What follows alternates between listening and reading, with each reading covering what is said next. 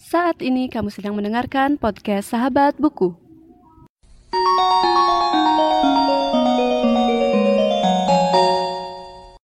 Sebelum dengerin episode kali ini, jangan lupa untuk follow podcast Sahabat Buku di Instagram at podcast Sahabat Buku dan di Twitter at Sahabat Buku underscore. Dan selamat mendengarkan. Halo semuanya dan selamat datang kembali di podcast Sahabat Buku. Dan di episode kali ini seperti janji aku kemarin kita akan membahas satu buku dari Bong Chandra yaitu The Science of Luck.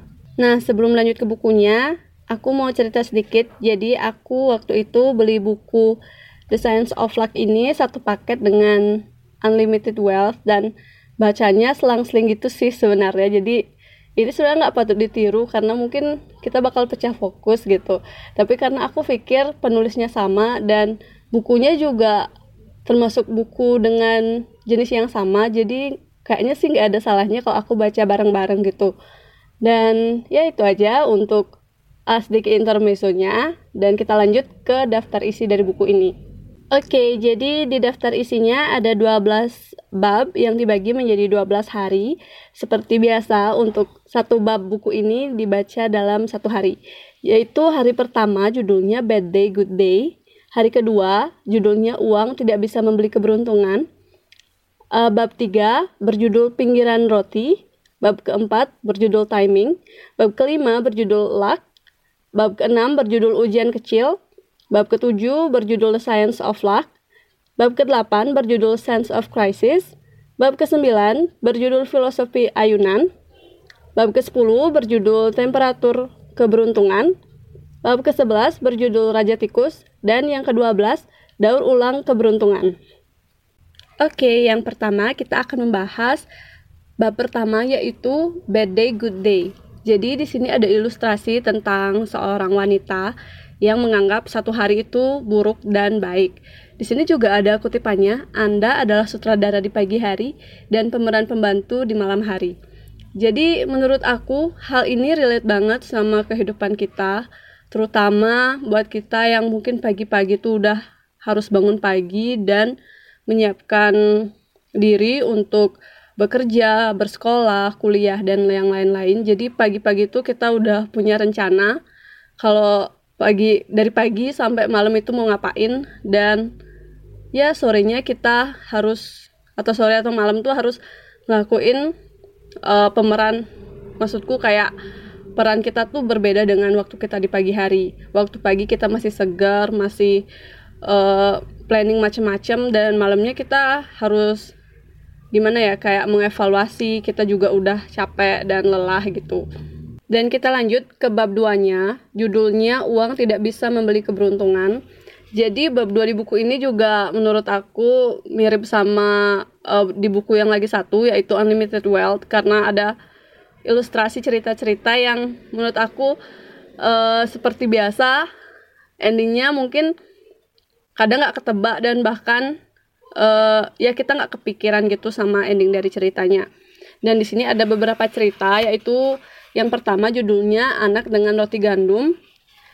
Yang kedua rasa layak lebih mahal dari sebuah tiket dan ada diusir dari kursi VIP. Bab ketiga yaitu pinggiran roti.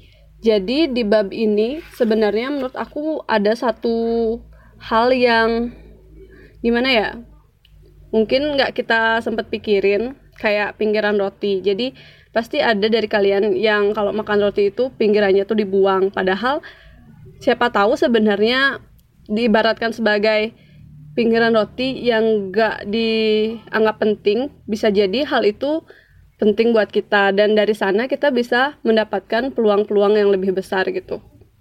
Salah satu bab favorit aku di buku ini yaitu bab keempat yang judulnya timing. Jadi aku bakal mungkin cerita lebih banyak tentang bab ini karena uh, insightnya tuh menurut aku baru dan kadang kita nggak sadari gitu. Jadi di sini ada kutipannya segala sesuatu akan indah pada waktunya. Itu kutipan yang mungkin udah sering kita dengar tapi ya dengan kata-kata itu kita tuh artinya kayak menunggu sesuatu bakal terjadi gitu. Padahal di sini menunggu yang dimaksud itu uh, seperti subbab judul sebabnya yaitu menunggu bukan berarti pasif. Dan di sini juga dijabarkan tiga hal yang membuat kita menunggu secara pasif. Yang pertama itu rasa takut, yang kedua itu rasa malas, dan yang ketiga itu pesimis. Jadi ketiga hal ini yang bisa membuat kita menunggu tapi ya apa yang kita tunggu tuh bisa nggak datang-datang gitu. Yang pertama kayak takut. Kalau aku lihat sih kayak rasa takut ini mungkin datang dari pengalaman aku juga kalau kita memulai sesuatu yang sebelumnya kita mungkin nggak familiar dan ya baru banget gitu. Dan yang selanjutnya rasa malas. Rasa malas ini pasti dimiliki sama semua orang dan semua orang pernah merasakan rasa malas tapi di sini baiknya kita tuh bisa nge-manage rasa malasnya kita. Kapan kita uh, harus memaksa diri kita buat nggak malas dan yang ketiga yaitu pesimis. Jadi di sini tuh ada kalimat yang buat aku gimana ya? Aku sebenarnya nggak kepikiran sih. Jadi aku bacain aja paragrafnya ya. Hal ketiga yang membuat Anda menunggu secara pasif adalah pesimisme. Bicara soal pesimisme, saya memiliki kabar baik bagi orang-orang yang pesimis. Kabar baiknya adalah orang yang pesimis sebetulnya adalah orang yang sangat optimis. Hanya saja mereka salah menempatkan optimi optimismenya. Orang pesimis adalah orang yang optimis bahwa ia akan gagal. Jadi ini tuh kayak sedikit kebalik gitu kan. Orang-orang tuh sebenarnya uh, dia tuh optimis tapi naruh optimisnya tuh di tempat yang kurang tepat. Bab selanjutnya berjudul luck, L U C K. Jadi di sini sebenarnya hmm, kata luck itu merupakan singkatan dari leverage, urgency, connect, and knowledge. Jadi luck itu sebenarnya adalah paduan dari uh, ketiga keempat kata ini menurut uh, buku The, Science of Luck. Jadi yang pertama itu leverage. Jadi leverage itu bisa dibilang kayak daya ungkit.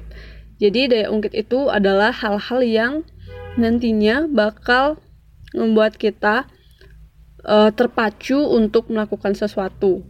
Nah, kalau urgensi ini adalah keadaan mendesak yang membuat kita untuk bisa terpacu untuk melakukan sesuatu. Jadi, ini tuh menurut aku sih kalau dari pengalaman aku pribadi, kalau udah yang namanya urgent itu kita pasti eh, tiba-tiba jadi berubah gitu.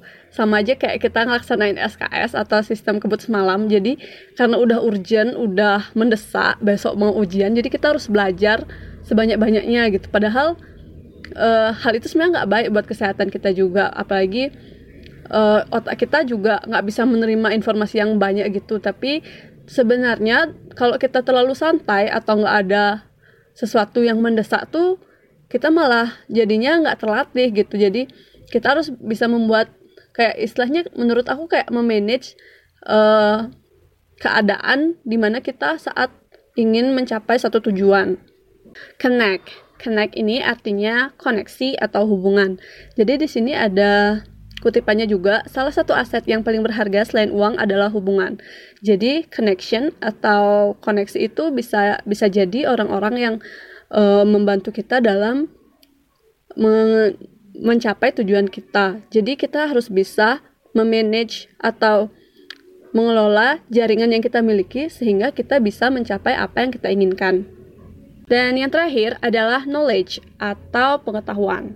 Nah, knowledge ini bukan semata apa yang kita dapatkan di sekolah, tapi apa yang bisa kita uh, hal-hal apa yang bisa kita dapatkan atau kita pelajari dari apa yang kita lakukan. Dan di sini tuh ada satu kutipan yang menurut aku keren banget karena relate banget sama apa yang uh, aku jalani sekarang.